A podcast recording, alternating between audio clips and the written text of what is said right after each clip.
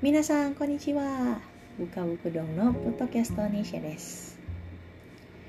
今日は私が読んだ本を話しましょう。本のタイトルはオノマトペフーレンズ田中先生によって書かれました。それで田中先生はコンテンツクリエイターだった。初めて YouTube に見ました。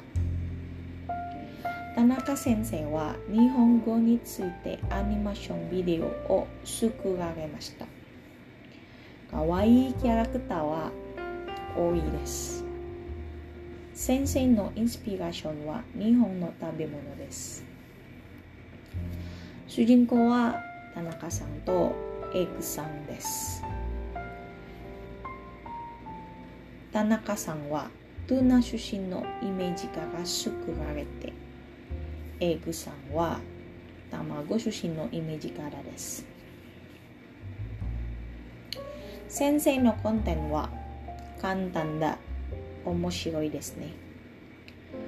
私たちが日本語を勉強に簡単になりました。それで田中先生オノマトペについて本を書きました。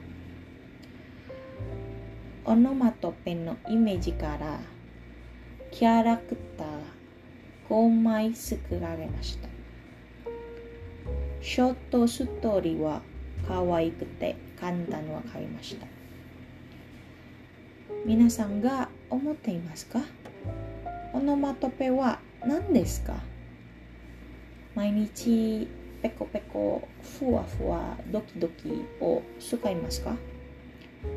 それはオノマトペと言います。アニメとドラマにいつも聞きました。それからあなたは分かりましたか？この本は Amazon に買えますがインドネシアへ配送料は高いです。配送料は本の価格用品の方が高いです。私はアメリカから買いました。